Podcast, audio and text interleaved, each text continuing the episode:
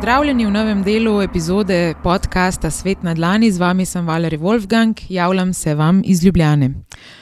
V tokratnem delu sem se osredotočala predvsem na tematiko, o kateri smo govorili v oddaji Sveto in svet na RTV Slovenija, kjer sem bila gostja par dni nazaj in bo tudi osnovni in glavni del tega podcasta, te epizode danes, bo torej ta oddaja, pogovor, v kateri smo govorili o duhovnosti v digitalni dobi. Želela sem posneti ločen podcast točno na to tematiko, vendar se mi zdi, da je v bistvu izredno zanimiv pogovor tekel tudi s sogosti, z voditeljico.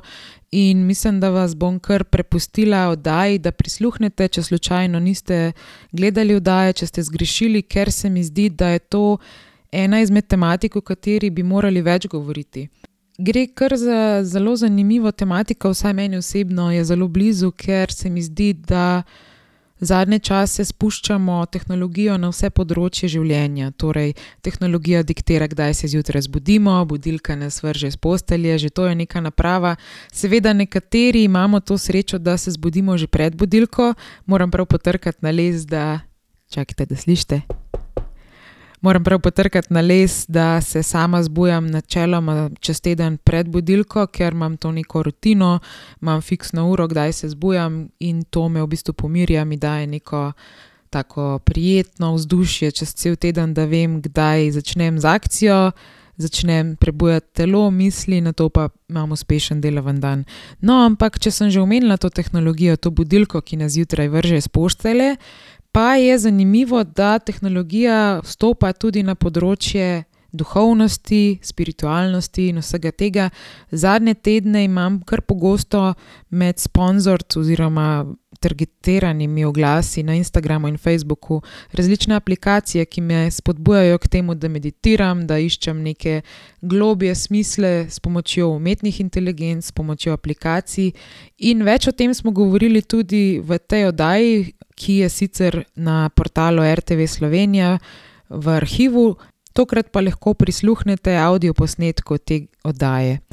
Vmesni del, nekje na polovici oddaje, sem odrezala ven prispevek iz Vatikana, kjer je papež govoril o tem, kako je to področje trenutno, predvsem na področju religij, ker tudi o tem govorimo v oddaji. In glede na to, da je v italijanščini s podnapisi, sem se odločila, da ta del odrežem ven, vendar ostaja sicer celotna oddaja, tako da vas prepuščam zvokom našega pogovora in vas vse lepo pozdravljam.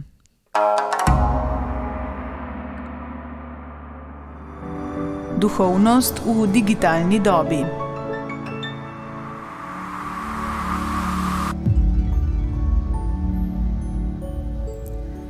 Spoštovane gledalke, cenjeni gledalci, dober večer. Danes ob našem omizju lepo pozdravljam Valerij Wolfgang, strokovnjakinjo za multidisciplinarno raziskovanje vpliva digitalizacije na družbene procese z integracijo umetniških in znanstvenih metodologij, multimedijsko umetnico, režiserko in mentorico. Lepo pozdravljeni. Dobrodošli, profesorica dr. Nadja Furlan-Štante znanstvena svetnica iz Inštituta za filozofske in religijske študije Znanstveno-raziskovalnega središča Koper, religiologinja, raziskovalka z področja religijskih znanosti in mentorica. Lepo zdrav.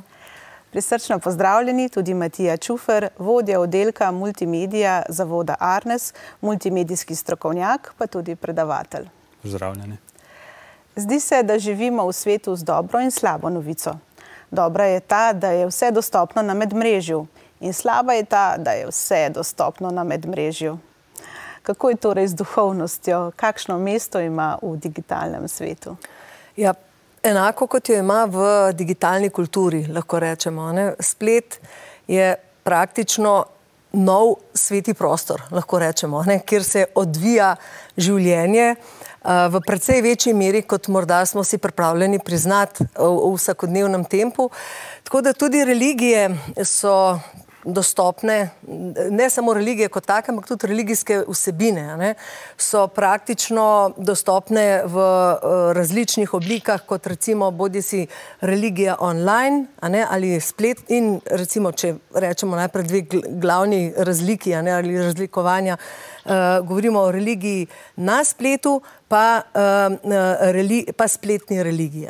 Ko govorimo o religiji na spletu, govorimo o vseh religijskih vsebinah, o religijskih obredih, o, o religijskih svetih knjigah, o izobraževanju, o evangelizaciji, recimo širjenju eh, različnih religij eh, in pridobivanja vernikov, recimo ne medijski kanali, dostopnost recimo eh, do vernikov in tako naprej. Ko pa govorimo o ali pa recimo o prakticiranju in prenosu samih uh, svetih obredov v ne, prostor, uh, spletni prostor, uh, kar smo seveda med COVID-om uh, videli, a ne porast tega, potem recimo govorimo o spletnih porokah, religijskih obredih, o spletnih porokah, smrtih, celo krstih, a ne online in tako naprej.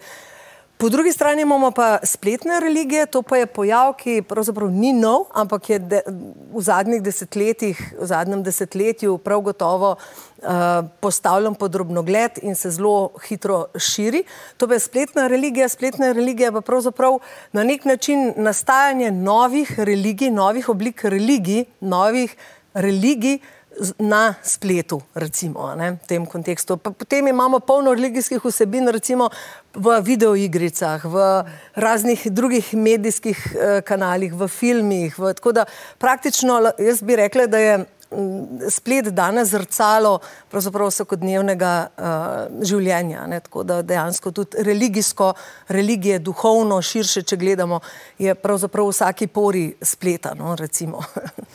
Pa je recimo kakšen primer eh, te, kako bi rekli, cyber religije? Uh, zdaj, cyber religija je zopet en um, zanimiv uh, termin, ki se je pravzaprav pojavil. Cyber religije govorimo nekje v začetku 90-ih let prejšnjega stoletja, že v resnici, ne, tako da ni nov uh, pojav.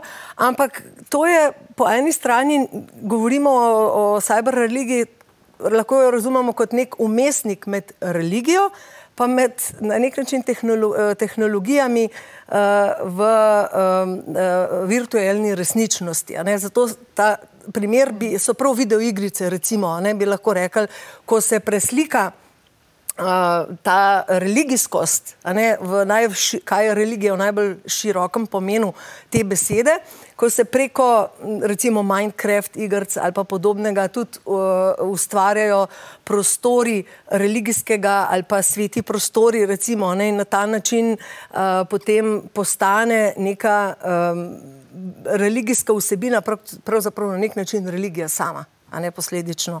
Uh, tako da meni se zdijo videoigrice, recimo en tak lep primer te cyber religije, um, ki, s katero so zasvojeni pravzaprav ne samo mlajši danes, ampak praktično vse generacije. Ne.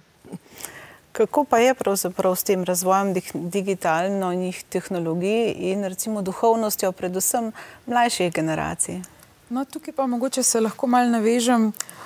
Jaz sem uh, Lansko leto sem bila eno leto v Združenih državah Amerike, sem predavala na Chapman University kot uh, asistent profesorju Charlesu Finku.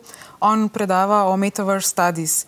In tam sem imela možnost delati s študenti, um, ameriškimi študenti, in oni so, recimo, pri tem predmetu je vsak študent dobil svoja virtualna očala in je bilo veliko lažje delati, ne, ker so kar naenkrat je cel razred imel ta očala. Ne.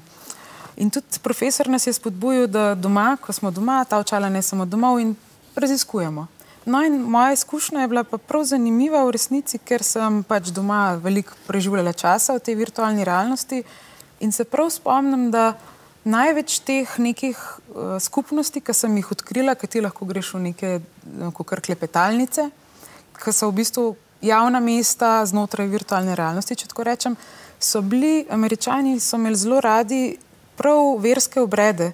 V bistvu različni duhovniki so gostili, um, ko bi rekel, da bi po YouTubu gledal, ampak tam si bil res noter, ne vem, v neki predavalnici, uh, je bil duhovnik in potem me je prav presenetilo mene osebno, da sem doživela tudi samo neko tako drugačno izkušnjo, ker se ti lahko premikaš, a ne vsem znotraj teh virtualnih svetov tudi stopiš do nekega človeka znotraj virtualne realnosti in kljub temu, da poteka maša, ne, ti lahko malo še petaš njemu in ti njega slišiš, ko on tebi še peta. Tako da z tega vidika, potem tudi ti mladi, no, ki sem s študenti govorila, imam občutek, da so ta, te generacije že začele dojemati virtualni prostor kot realni prostor.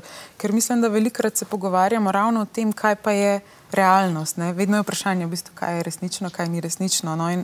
Vidim že pri teh generacijah, da je preklop se že naredil. Sej vemo vsi, da v bistvu že vsi mladi odraščajo že s telefonom v roki, zdaj pa to je pa neko vprašanje, kaj pa je, ko dodamo še te prostore. In je bila zanimiva izkušnja no, z tega vidika. No, se ni skrivnost, ne, da so ta družabna omrežja in takšne um, narejene tako, da nas vabijo, vlečajo. Um, zakaj je pravzaprav um, tako? Zakaj je njihov cilj, kaj je njihov namen, gospod Matija? Ja, ta družabna mreža v bistvu nekako bi lahko rekli, da trgujejo z našim časom. Se pravi, več časa, ko jim mi naklonimo, več podatkov, ko jim damo, več lahko od nas zvedo, zvedo in več lahko tudi pač te podatke unovčijo. Tako da ni na ključe, da si želijo, da smo čim več časa, in ni na ključe, da nas tudi pritehnejo in se na nje vračamo. In tudi um, del funkcionalnosti družbenih omrežij je takšen, da uh, nas pritehne in da ostajamo gor in nas povlečejo enostavno. Zdaj, lahko bi se vprašali, zakaj pa ni enega omrežja, ki tega ne bi vseboval ali pa ki nas ne bi toliko po, povlekel. Ampak ravno v tem je, um, se mi zdi, da je problem, ker takoj, ko bi popustili in bi zač, zač, začel nek, neko omrežje um, bolj paziti na svoje, se pravi, uporabnike in ne bi vključeval zasvojitvenih elementov, bi izgubil tako velik tržni delež, se pravi, toliko velik del uporabnikov, da bi omrežje postalo lahko počasi neuporabno. Tako da nekako tudi tekmujejo in se med sabo mogoče tudi spodbujajo, da te zasvojitvene elemente še bolj razvijajo in jih še bolj uporabljajo, zato da se vračamo in da čim več časa preživimo gor. Mogoče lahko to malo razložite, kaj so ti elementi. To so v bistvu zelo preproste stvari. Ja, zdaj, na začetku se mi zdi, da je bilo res zelo preprosto, zdaj so se začele zadeve um, prekrivati in uh, dopolnjevati ena drugo. Prav v začetku družbenih omrežij se mi zdi, da se je nekako začelo s pridobivanjem vseh posodobitev uporabnikov nekega družbenega omrežja na tako imenovanem zidu na Facebooku. Um, In to je, zdi, bila tista točka, kjer so se pravi razvijalci ugotovili, da obiskovalec družbenega omrežja ne gre tja toliko um, nalagati svoje vsebine, ampak pogosteje spremljati, kaj drugi delajo in konzumirati vsebine, ki so na tem omrežju. In tu so tudi potem ostale omrežja posvojila in začele pač, um, so se posodobitve nalagati na enem prostoru in potem prišlo še neskončno drsenje skozi vsebino, kar nekako še um, uniči ta um, občutek časovnice, spravi, koliko časa si ti preživel na nekem mrežu, se nimaš te um, možnosti klikati naslednja stran. Se pravi, ti ne pomisliš, a bi rad videl še eno stran uh, vsebin ali uh, imam zaenkrat za dovolj. In zdaj, ker, kar, ker se je kar dalo drseti skozi vsebino, se nekako ni, um, ni prišlo do tega trenutka, ker bi se ozavestilo. In potem z razvojem umetne inteligence, prilagajanja vsebin, se je ta strategija, strategija zadrževanja uporabnikov še povečala in zdaj v bistvu dobil vsak zase pripravljeno vsebino. Se pravi, um, če bi imela mi dva enake prijatelje, se pravi, isti krog prijateljev, in bi ta družbeno mrežo nekako razlikoval med nama, bi jaz videl druge objave teh istih prijateljev, kot naprimer vi.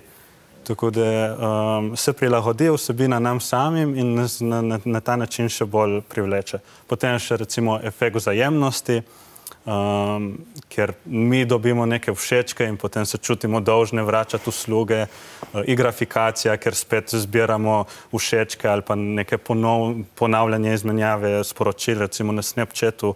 Z, če vsak dan zamenjaš um, sporočilo s svojim prijateljem, dobivaš ogančke.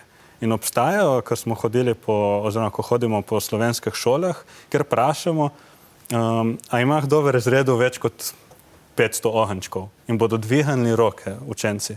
Sam to pomeni, da so dejansko si 500 dni zapored izmenjali sporočilo. In tukaj ne gre več za neka vsebinska sporočila. Zjutraj prva stvar, prime telefon recimo, naredi črno sliko in pošlje. Samo za ohranjanje tega um, dela, ker je toliko vložil v to, da ima zdaj tisto 500 številko tam. In se tudi lahko razderajo prijateljstva, ker vzamejo doma recimo telefon in ne morejo ohraniti ohenčka. In spridajo iz tega lahko velike stiske, ki so realne. Ne? Tako da um, ja, so kar agresivne te metode postale. Um, in zaenkrat še ne kaže, da se bi bolj sprostilo na tem področju. Se verjetno potem pomeni to tudi, da nam lahko, glede na naša zanimanja, ta umetna inteligenca kreira neko religijo, duhovnost, sklepa, že zna razmišljati, kaj nam bi bilo všeč. Ja, ali pa tudi, kar nas bo vznemirilo. Ponavadi, ali pa pogosteje so tiste vsebine močnejše, oziroma nas bodo bolj razburle, če nekaj, s čimer se ne strinjamo. In nam lahko v našem mehurčku se prikaže, kot da je tega nestrinjanja veliko in kot da pač velik del populacije misli drugače kot mi, in hkrati drug del pa isto kot mi, in vmes ni lahko ničesar. In ko se ulovimo v te mehurčke vsebine, je lahko tu. Mogoče je nevarno, kar huda beseda, ni pa prijetno. Pa čist nedolžno. Ne? No, tako je. Ja. Hvala. No, mogoče lahko že umenem, da ko smo se že za to oddajo dogovarjali, sem dobivala že danes, jaz recimo, sponzor, eh, se pravi, sponzorirane objave za neke aplikacije za meditacijo, duhovnost. Tako da, ja, definitivno že z e-mail naslovov, pa z vsebino e-mailov se črpa ven te zadeve. In je točno to, te mehurčki so kar problematični v resnici. Kakšno pa je mogoče, če je tako bolj tehnično vprašanje, razlika med to umetno inteligenco, ki recimo skenira naše interese, pa med neko tako umetno inteligenco, ki bo recimo ne vem, odločala v, v neki stvari ali pa recimo v medicini? Ena je realnost, druga pa še prihaja mogoče. Um, umetna inteligenca, ki skenira naše navade, um, v bistvu nima tako hudega dela in tam, če nekaj gre na robe, um, mi zapustimo neko platformo. Recimo, tu je tista uh, negativna izkušnja z to umetno inteligenco, ker je, aha, tukaj sem, smo napačen post oziroma objavo prikazali in sedaj je uporabnik zapustil družbeno mreže. Medtem ko se mi zdi, da, da bi pa imeli neko avtonomno umetno inteligenco, ki bi se po UKC-ju hibala um, in bodi si samo naredila posnetek um, ne vem, nekega udarca ali pa neke, neke napake ali poškodbe in, in na tem pripravljati diagnozo, se mi zdi, tu, da nismo še, še čisto tam. No. Um, hkrati pa potem treba tudi uskr uskrbeti te zadeve. In tukaj pa, tu je pa še res ena velika, velika stopnička naprej. Zaenkrat je to super orodje, ki nam lahko dosti pomaga, svetuje tudi, ampak če nismo sami strokovnjaki na tem področju, se lahko tudi zelo, zelo, zelo opečemo. Um, in zanimivo je tudi to, um, na začetku oddaje smo se pogovarjali, kako študenti uporabljajo uh, umetno inteligenco. In ja, za te študijske naloge je res zelo dobra, zato ker te se ponavljajo, ampak ko pridemo v neko realno okolje, v realne probleme, um, se pa izkaže, da rezultati že niso tako zanesljivi, zato ker so drugačni in se redko kdaj ponavljajo. Tako da je um, zelo dobro orodje, ampak um, tudi zaenkrat še zelo mlado. Nas lahko recimo umetna inteligenca tudi kaj nauči ali pa recimo nam, nam poglobi duhovno izkušnjo ali pa vsaj v smeri? Jaz mislim, da že s tem, kar razvijamo, to predvsem kako se reče, generativno umetno inteligenco, če sem prav rekla. Um, oziroma, ki želimo doseči sploh umetno inteligenco, ker zaenkrat bi lahko jaz to rekla, da gre predvsem za ogromne baze podatkov, ki pač črpajo vso to naše zbrano znanje in ustvarjajo neke rezultate, v bistvu to orodje ni še samo po sebi inteligentno. Torej, v procesu razvoja umetne inteligence se mi zdi, da v resnici preučujemo človeka, da tudi sami ne poznamo se še mogoče tako dobro, da bi znali točno povedati, to je pa recept za inteligenco. Mogoče tudi ta del je zanimiv, ker mene osebno vedno preseneča, da strokovnjaki recimo znajo točno razstaviti iPhone in najdete vse koščke nekega telefona. Človeško telo se mi pa pogosto zdi, da še ni tok, niti, ne vem, situacija se zgodi, da ima nekdo bolečine v hrbtenici, na, na rentgenu se niti ne vidi, kaj bi bilo narobe in mogoče tudi psihološka težava. Tako da s tem, ko preučujemo človeka, mislim, da bomo razvijali seveda tudi umetno inteligenco, tako da ta povezava je zanimiva, kar se pa duhovnosti tiče. Pa zaenkrat se mi zdi smiselno razmišljati mogoče v kontekstu tehnologije ravno to, da nam nudi možnost duhovne izkušnje, ne, glede, ne vezano na lokacijo, tako da se mal ta breztelesnost naša lahko, se pravi, neka zadeva nadaljavo zgodi. To se mi zdi super, pa da se lahko v novih tehnologijah, da iščemo tudi integracijo nekak našega virtualnega telesa znotraj teh prostorov, da ne gledamo samo nekaj na ekranu, da pač doživimo celostno. Tako da mogoče te verske obredi, da se zgodijo v teh virtualnih očalih, že to je mogoče čist druga izkušnja kot gledanje prenosa na ekranu.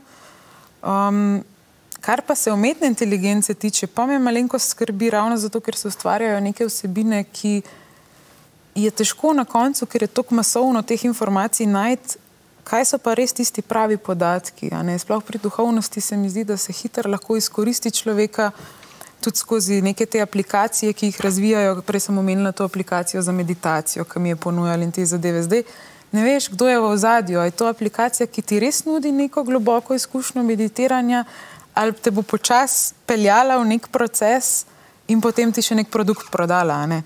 Tukaj ne vem, kako bomo lahko to svetovno in globalno nekako regulirali, konc koncev, ker zaenkrat je še kar divji zahod glede tega.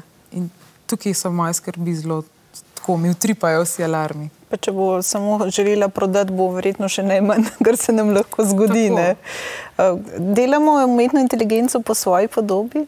Uh, ja, uh, vsekakor z njo, z, s tem, ne, kot če se navežem na vse prej izrečeno, dejansko ustvarjamo jo mi, ne ustvarjamo jo ljudje.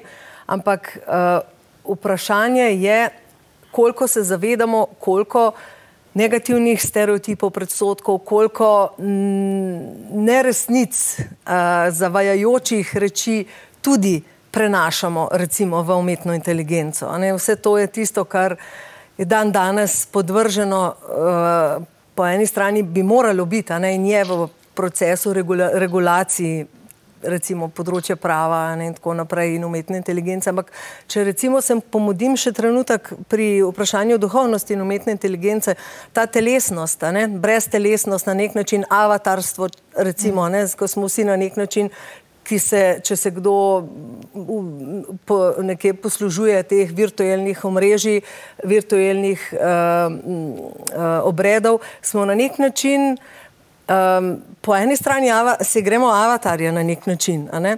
Uh, in zdaj uh, zelo pomemben faktor pri recimo duhovnostih ali pa predvsem recimo, če raje rečem, v različnih tradicionalnih religijah je pa prav telesnost. Tukaj imamo po eni strani zopet um, vprašanje človeka, kaj je človek, Zopet smo pri tem, da usmislimo ne samo, kar se tiče naših bioloških uh, lastnosti, kdo smo, kaj smo, ampak tudi v bistvu nekih duhovnih substanc. Uh, kaj nas dela človeka? Definitivno, recimo, te virtualne izkušnje stimulirajo naš um. Um, in tu je ta povezava med eh, duhom in telesom, ki jo prav na katerih gradijo tradicionalne religije, predvsem na uh, samospoznavanju. Se mi zdi meni osebno, da je ta točka samospoznavanja v tem virtualnem prostoru, v teh digitalnih religijah, če rečemo, ne, uh, nekje um, umanka. Uh, in to so tisti izzivi, pred katerimi tudi današnje uh, religije uh, stojijo, ne na zadnje, ne, uh, ko se soočajo s tem, kako vstopajo v digitalni prostor, če vstopajo, uh, in ne na zadnje tudi, kako same regulirajo, kaj, katere religijske vsebine uh, na spletu da, katere ne, recimo. Ne, okviru. Vi ste omenili nekje tudi, da se spremenja odnos, odnos do sebe, do sočloveka, pa do presežnega. Lahko ja, predvsem uh, res, ne, ker s tem, ko pustimo našemu umu, naši domišljiji prosto pot v področju recimo uh, virtualnega na nek način. Uh, uh, druge dimenzije naše človečnosti ali človeškosti mečkam zaostajajo. Ne? In tukaj po eni strani je prav transhumanisti, recimo, ne, pravijo, da gradijo na tej eh, tezi, češ, da posta, uh, nadgradnja človeka, ne, da človek ni zadnja evolucijska eh, stopnja, ne, uh, da pač stremijo k nadgradnji.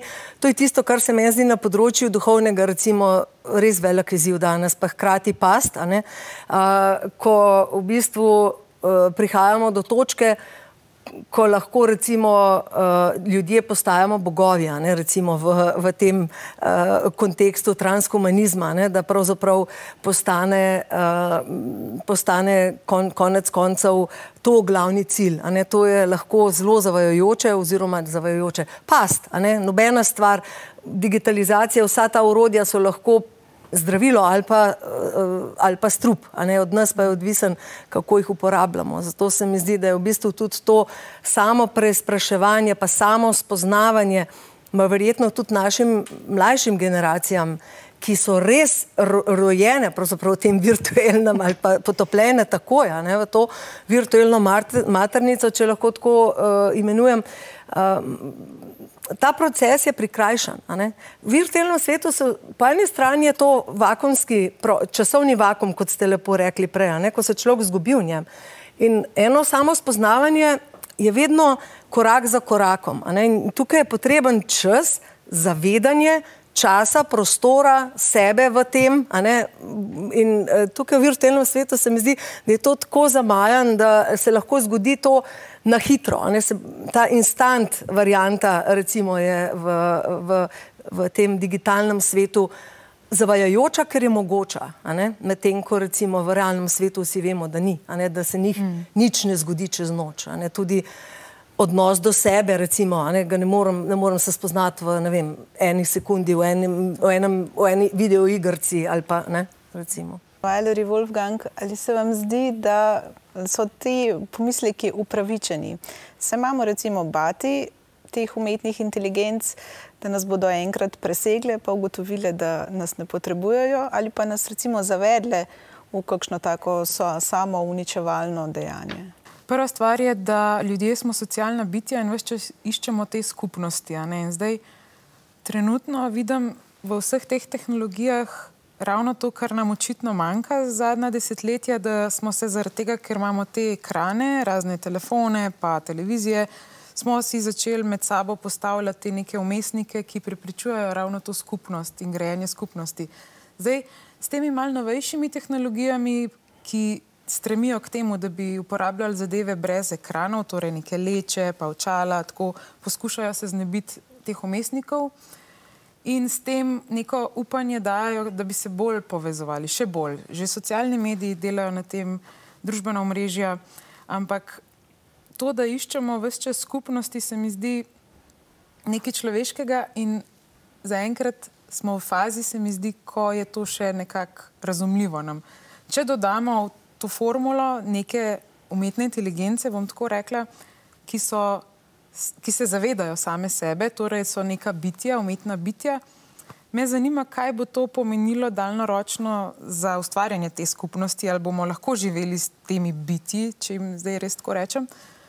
In to, zelo, to, to me zelo skrbi, ker ne vem, nimamo, to je kot, kot da bi nek nezemljan prišel na zemljo. Zdaj, kako bomo mi živeli s tem, bomo videli. Je pa zelo pomembno in največji problem trenutno vidim v tem, da ko učimo mlade generacije, ker se tehnologija tako hitro razvija, je problem že v samem osnovnem izobraževanju, da ljudje, ki trenutno izobražujejo naše otroke, ne poznajo teh tehnologij in bi morali, po moje, čist na nekem ne samo državnem, ampak kar evropskem in globalnem nivoju veliko bolj spodbujati učenje starejših generacij, da smo mi tisti, ki recimo vemo, kaj se sploh dogaja v svetu, potem pa bolj fokus dati na mlade, ker če mi predajamo neko znanje, pa sami ne dohajamo tehnologije, potem se bo vse lahko zelo zaplete. To je ena stvar, druga stvar je pa, da veliko je treba še narediti na sami regulaciji.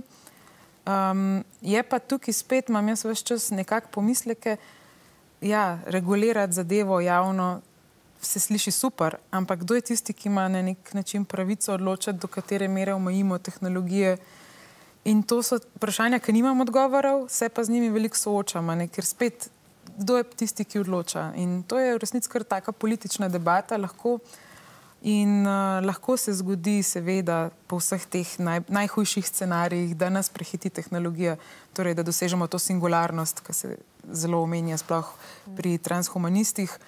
In mogoče. Mislim, ni neizbežno, zdaj ne bom rekla, da ne, se ne vemo, kaj se bo v resnici zgodilo. Lahko pa da tehnologija čisto rata neka stvar, ki ne bo šla v tej smeri. Zanimivo mi je zadnje čase pri študentih opažam, ker tudi predavam, da pa mnogi mladi so tudi že začeli hoditi dol z družbenih omrežjih, ne uporabljati tehnologije, tako da gre tudi v obe skrajnosti že. In ne vem, kam bojo zašle nove generacije. Ja, jaz tudi, če, če smem, ne, sem prijetno presenečena tudi nad tem zaznavanjem tega pojava, ne, da se posamezniki, posameznice odločijo, rečejo, zdaj pa dovolj te digitalne toksikalizacije, ne, gremo na digitalni detoks, pa recimo, ne vem, uh, ugasnejo TikTok, ne, oziroma ga zbrišejo ali pa te snap, Snapchate in tako naprej, recimo, če samo gledam na tem vsakodnevnem uh, ne, dogajanju, uh, kar se mi zdi vsekakor spodbudno. Zato se mi zdi zelo pomembno, uh, zavedanje, da smo mi tisti, ki smo ta trenutek, upam, da, ne, ker ne vemo, jaz nisem tako globoko v teh uh, znanstvenih krogih, da bi res lahko zagotovo trdila, da avtonomnega orožja še ne obstaja. Ne? Vemo, da, uh, da je že. Ja. Tako da v tem smislu smo že korak bližje temu avtonomnosti AI-ja v tem kontekstu. Uh, in uh, zato pa vendarle mislim, da smo še, upam, da smo še na tisti točki, ko je to zavedanje, da smo mi tisti, ki imamo ta gumb zaenkrat še, da pritisnemo, pa ustavimo, a ne bodi si, kar se tiče regulative, kar zavedimo se, da mi dajemo vsak dan več uh, dovoljenja našim uh, telefonom, a ne pametnim telefonom, uh, bodi si za memori memoriranje naših gesel, a ne pa preko takih najbolj bom rekla, vsakodnevno koristnih reči. Lahko se dogodi zelo hiter ta preskok potem do tega, koliko kompetenc, pa svoje odgovornosti preložimo recimo nekim digitalnim omrežjem. Ker jaz mislim, da se ta preskok ne zgodi iz danes na jutri, ampak se dogaja že zdaj tu. In se moramo na vsako, pravzaprav vsak dan um, vprašati, aha, ok, tole si bom zapomnila jaz, ne, ne rabim uh, orodja. Zakaj? Zato, ker je pomembno, da mi še vedno, da naše možganske funkcije ne izumrejo, da se nase, naše možganske sinapse še vedno delijo. Ker če se ne bo, da bomo v bistvu prišli do singularnosti, nažalost, če bomo želeli ali ne. Ker bodo naše funkcije odmrle, morda ne v tej generaciji, ampak načeloma pa zelo hitro. Uh, No, pa če smem, mogoče tudi sistem smo dopustili že, da je šel že čez meje. Jaz lahko delim svojo izkušnjo, ko sem prišla recimo iz Amerike, uh, mi ameriška številka tukaj ni delovala in sem bila brez telefona, nisem imela časa iti po telefon, mislim, da deset dni, samo deset dni. Jaz nisem mogla ne transakcij na banki narediti, ker sem dobila SMS na neko številko, ki ne obstaja več. Nisem ne vem, koliko stvari mogla narediti, ker ja, rabite telefon, da to potrdite. Jaz sem pa še tako v hecu rekla, pa bom kar še en mesec brez mobitela, ni šans. Ne moramo živeti v tem sistemu, ker tudi na vsakem obrazcu rad ne moreš napisati obvezno telefonsko številko in tudi že e-mailno. Do te mere smo očitno dopustili sistemu, da, da nas nadzira. Se po svoje je zanimivo, ne, kako smo pripravljeni uh, vse mogoče podatke deliti, čeprav piše, da jih ne, ne delimo. Potem se pa čudimo, kako umetna inteligenca ve, kaj zdaj meni všeč ali kaj mi bo všeč. Kakšne so vaše izkušnje? Vi ste s kolegico uh, pripravili en tak program za mlade uh, šolarje, ki pa ne, ne bi vseboval teh eh, zasvojitvenih uh, elementov, pa da bi uh, povabil jih vse v realno druženje. Mogoče, če se najprej še zelo na kratko navežem, tudi sam se strinjam, da je je izobrazba posameznikov tista, ki nam daje kontrolo nad vsemi omrežji, nad umetno inteligenco. In mogoče je malo utopično pričakovati, da bo na višji inštanci prišlo do um, zavor, čeprav bi bilo tu verjetno kar potrebno. Ampak ravno v teh dneh se v Ameriki dogajajo srečanje uh, s politikami in vsemi um, temi glavnimi zastopniki um, družbenih omrežij, Marek Zuckerberg in ostale, so bili vsi tam zbrani in dosegli pa niso popolnoma nič. Se pravi, sprejet, sprejeto ni bilo uh, nič in strinjali so se samo v tem, da ni ok, tako kot, kot je. Um, tako da verjetno smo do kakšnih ukrepov še kar daleč.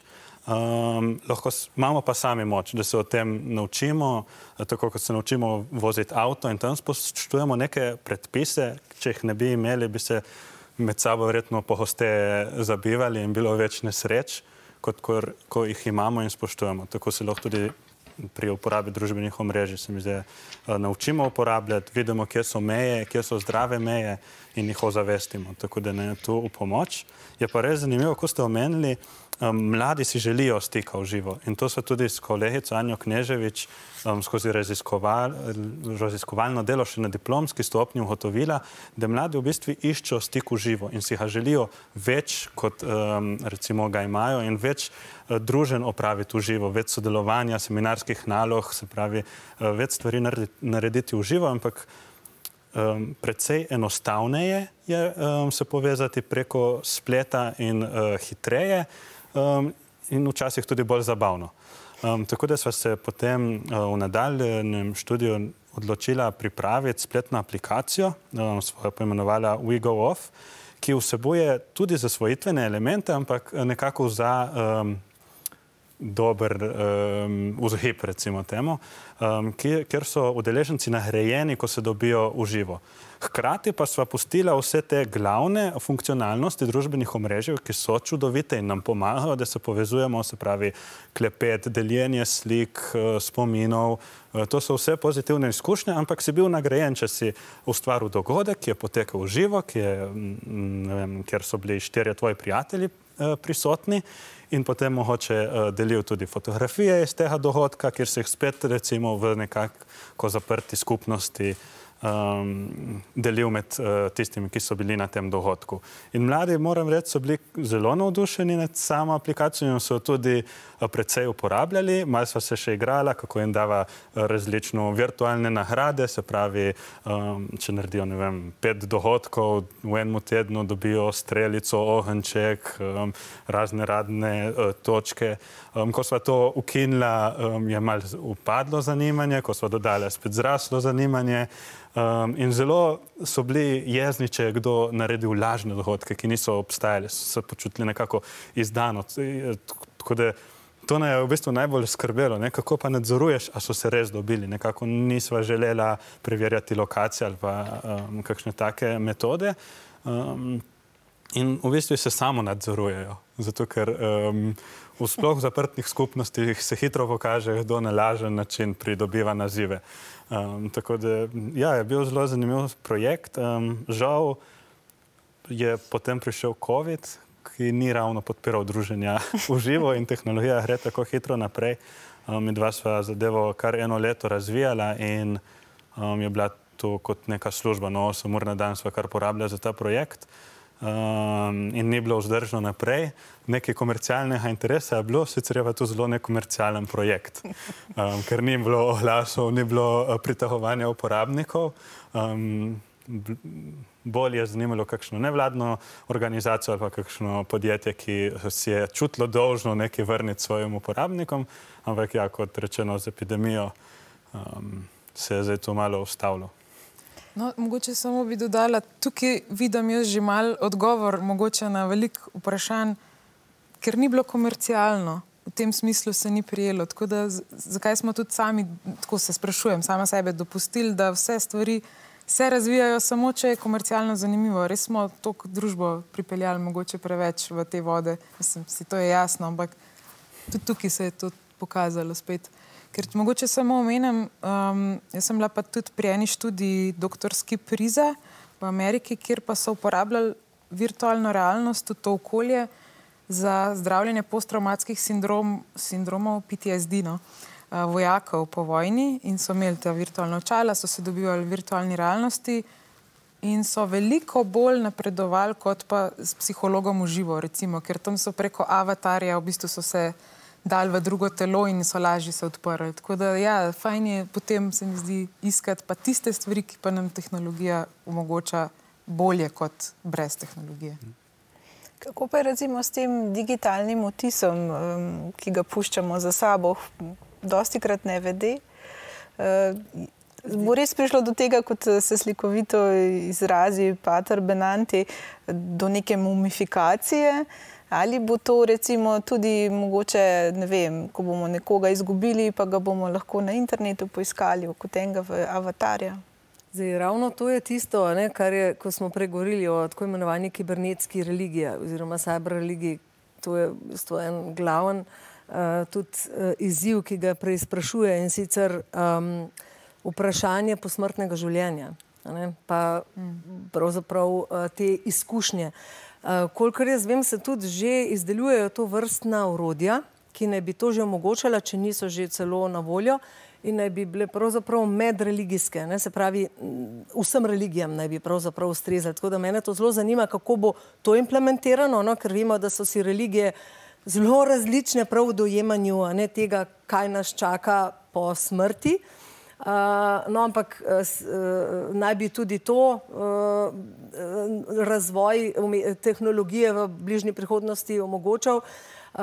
Zdaj, to odpira toliko enih etičnih vprašanj, ne, če gledamo zopet. Um, ker uh, etičnih vprašanj v smislu, če bo to mogoče, ne, ali pa če je to mogoče, pa v smislu tega, da bi recimo uh, si nekdo, ne vem, vstopnico v cyberspace spaceu, recimo, če rečem po smrti, uh, uh, recimo, ne, zagarantiral in tako naprej, smo zopet ne samo pri komercializaciji, ampak v bistvu to so tako zelo kompleksne zadeve, ne, s katerimi se zdaj pravzaprav mal poigravamo. Ta urodja se že testirajo, so že tu preko igric, ne, to posmrtno življenje uh, videoigric, zelo, zelo aktualno, uh, zelo navzoče in eh, hkrati tudi dosti zavajojoče lahko. Tako da tudi tukaj vedno imamo plus in minus. Uh, jaz zato ta digitalni odtis. Uh, Jaz mislim, da tudi Pitja ne, v Delfih ne bi znala na to odgovoriti, v smislu, kaj točno se bo s tem dogodilo, kako, ne, kaj nas, kakšen, a bo to poguba ali bo odrešitev, recimo, ne, za Homo sapiensa, recimo, kot, kot vrsto.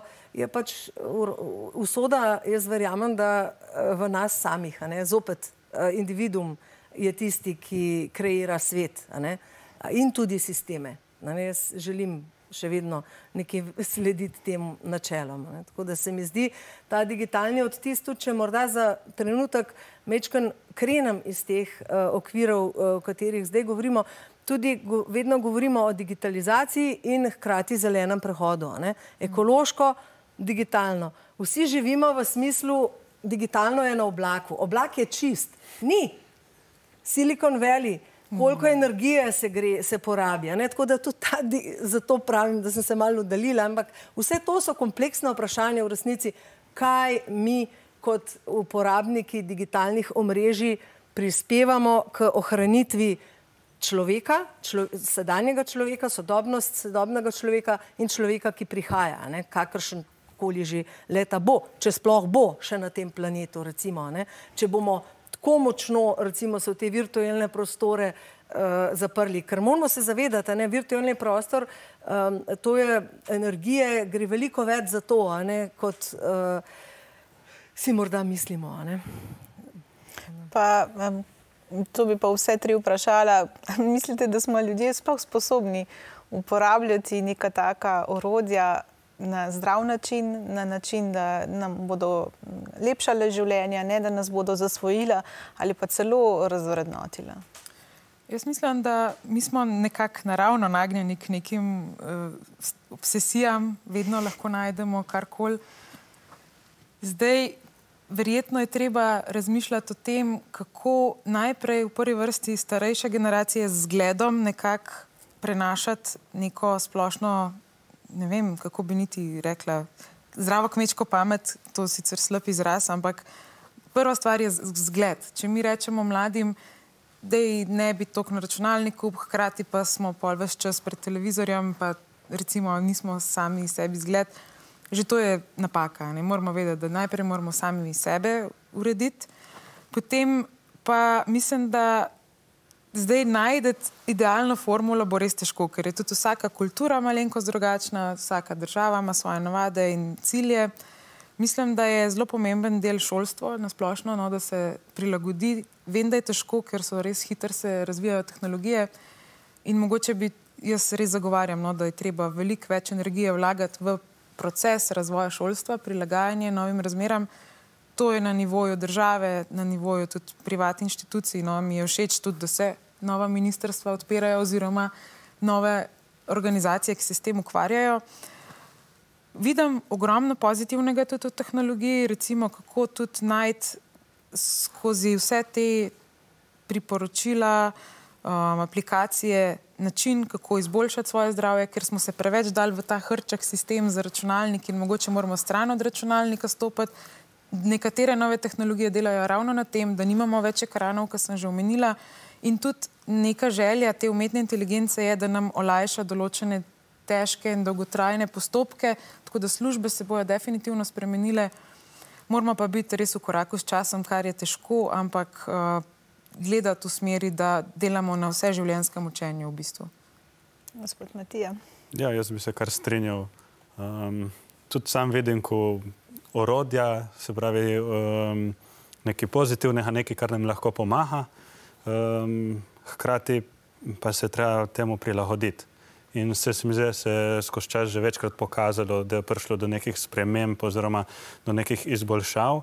In to se mi zdi, da je treba sprejeti, ne bežati proč um, in uporabiti. Na koncu so to orodja, ki so namenjene temu, da nam nekaj, nekaj olajšajo, da, nam pridejo, da jih lahko mi izkoristimo. Da, in vse to tudi ponujajo. Samo naučiti se jih moramo pravilno uporabljati. Ja, to zavedanje, ne, da so tam orodja, ne pa avtori. Se pravi, da znamo ločiti in hkrati prevzeti odgovornost super, da je tam orodje, ki mi pomaga narediti to in to in to, ampak še vedno sem pa jaz kompetentna, odgovorna oseba, ki se odločam ne, in prevzemam odgovornost za to, da določene deleže delam jaz. Se pravi, ta meja, ki jo zaenkrat uh, uh, še ni presežena, ne, da orodje ni postalo pravzaprav uh, kreator. Uh, in na ta način se mi zdi, da zavestno zaveščamo, vsak dan sproti, ne, da se ne polenimo prek teh uh, načinov, ki so nam na voljo, da jih spride uporabljamo, ampak hkrati, da kultiviramo uh, medosebne odnose tudi izven tega virtualnega uh, prostora. Se mi zdi, da že to beseda, da besedo, ne, se tudi na ta način teče neka, neko zaveščanje, pa mogoče ta digitalno, digitalno opismeno, opismenovanje, ne, recimo, ne, poleg tega, kar se mi zdi zelo pomembno. Torej, ta to, vedno je treba ta, to mejo, to harmonijo med tem, da se zavedamo, da je tam to zato, da uporabljamo in da orodje, da mi ne postanemo orodja tem orodjem. Spoštovani gostje, hvala vam za vaš čas in misli. Chat GTP pa predlaga, da se danes poslovim takole. Spoštovane gledalke, cenjeni gledalci, današnja oddaja je raziskovala vidike duhovnosti v digitalni dobi. Gosti so poudarili prednosti in nevarnosti digitalnih tehnologij ter poudarili potrebno po ozaveščenosti in kritičnem razmišljanju. Skupaj se moramo soočiti z izzivi digitalne dobe in graditi odnos, ki bo služil človekovemu duhovnemu blagostanju. Hvala, ker ste bili z nami in se vidimo naslednjič.